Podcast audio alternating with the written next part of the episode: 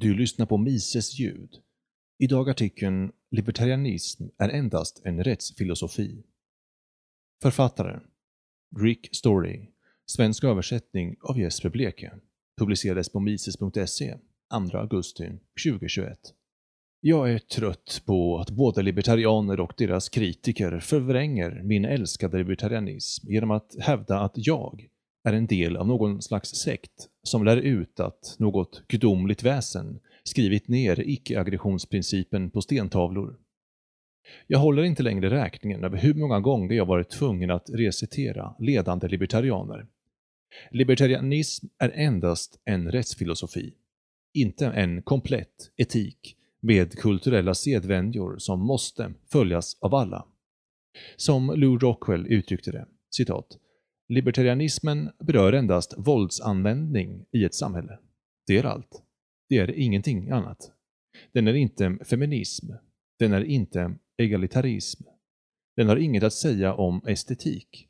Den har inget att säga om religion, eller ras, eller nationalitet, eller sexualitet. Slutcitat. Så när folk avfärdar libertarianismen på grund av att några enskilda libertarianer är kulturmarxister, gör de detta utav okunnighet. Libertarianismen har en deontologisk, naturrättslig syn på lag. Det vill säga, för att privat äganderätt ska säkras måste lagens, inte lagstiftarnas, ordning råda. Det vill säga att ingen man står över lagen. Det enda sättet libertarianism kan ses som egalitarism är att den anser att lagen bör vara lika för alla inom en given grupp. Detta är västerlandets stora arv.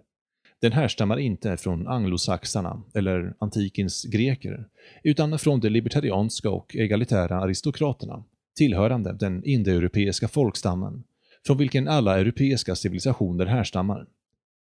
Självklart var inte varje samhälle tvunget att införa rättsväsende och icke-aggressionsprincipen för att undvika en farsot. Libertarianismens syn på rätt är snarare vad som är unikt med västerländsk lag och därmed vad som är unikt för västerländsk civilisation. Men vad är denna lag? Den unika västerländska synen på rättsväsenden och dess enastående framgångar är enligt Sinha vad som utmärker väst. Motivationen till att sätta lagen över kungen ligger i en högre grad av rationalism. Om en lag måste appliceras på alla människor i alla situationer, vilka sociala normer är kompatibla med just detta? Den enda rätten vi kan utröna är då den negativa rätten att bli lämnad i fred och få ha sin egendom i fred. Äganderätten. Det innebär att man kan låta lagen styra eller vara utelämnad åt en individ eller grupp vars infall kan betraktas som gudomlig vilja. Naturligtvis gav de libertarianska och egalitära indoeuropeiska aristokraterna upphov till civilisationer som tog hänsyn till detta då kungen inte kunde kränka en fri mans egendom utan att frukta vedergällning från andra förstar och gå miste om heder, ära och respekt. Därför upptäcktes inte bara denna rationella och styrande lag, utan studerades och förfinades dessutom i dess naturliga miljö, i väst.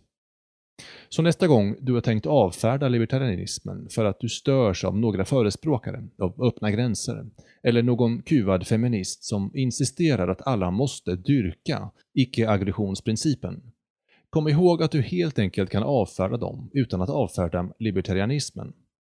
Om du dessutom inser att det finns en skillnad mellan lag och moral, och du älskar västerländsk civilisation och rättsväsende, är du libertarian.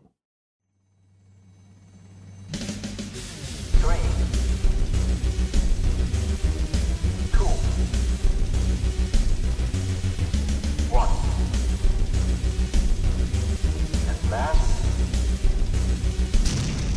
don't put your trust in politics and political parties.